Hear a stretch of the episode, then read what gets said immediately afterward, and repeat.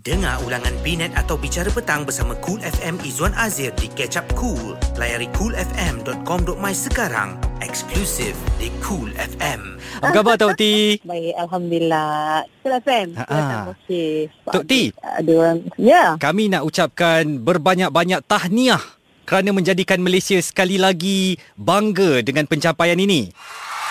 Terima kasih.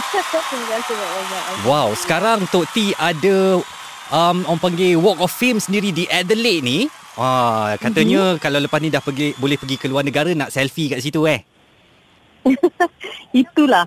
Bila dah tersenarai itu uh, dan uh, berjaya. Mm-mm. Kerana saya dipilih oleh apa um, public Mm-mm. untuk uh, tersenarai dalam Walk of Fame tu.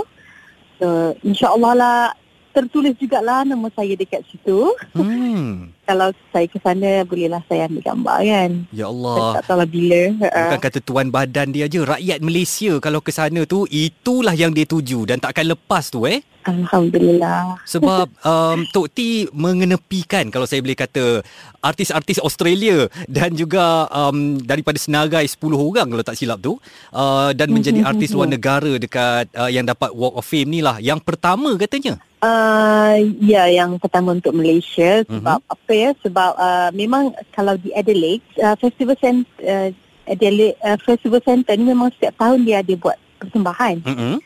So uh, saya punya kemenangan ni uh, tersenarai ni um, berlanjutan daripada persembahan konsert saya tahun lepas Ha-ha. di Adelaide dan uh, saya turut tercalon lah bagi bagi kategori ni lah untuk di di di semat dia orang kata disematkan nama di Walk of Fame ni atas pilihan uh, orang awam kan.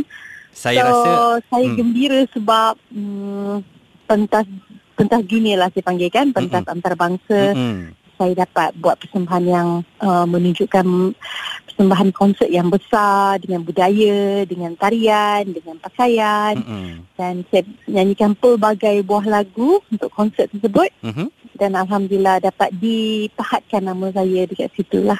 Apa ni mungkinlah uh, kata-kata penghargaan Tok T untuk peminat lah yang uh, terus-terus memberi Mhm. sokongan. Tahun ni uh, kabarnya macam banyak berita yang best-best eh untuk Tok T. Ha, alhamdulillah. Alhamdulillah. Saya rasa Tok T macam rezeki baby Ya. kot eh.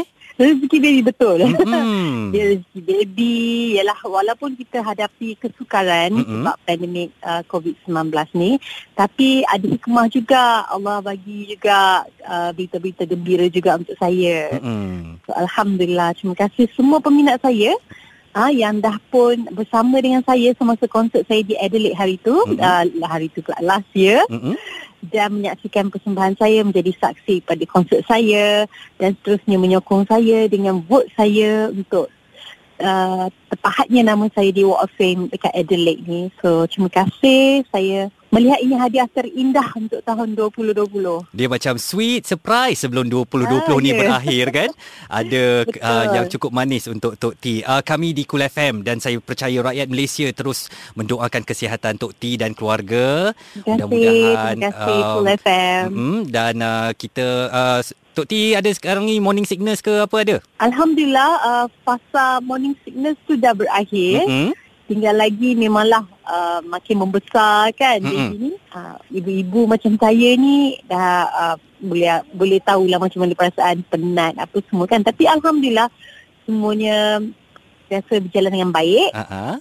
dan alhamdulillah dah boleh buat kerja tu kira okey lah. Alhamdulillah. Cuma last last, last nak tahu Tok T. Uh, ya. Afiah dah bersedia ke nak jadi kakak? Afia dah sedia dah nak jadi kakak. Dia tak jealous ke? Okey, okey dia tahu dah kakak Afia. Yeay.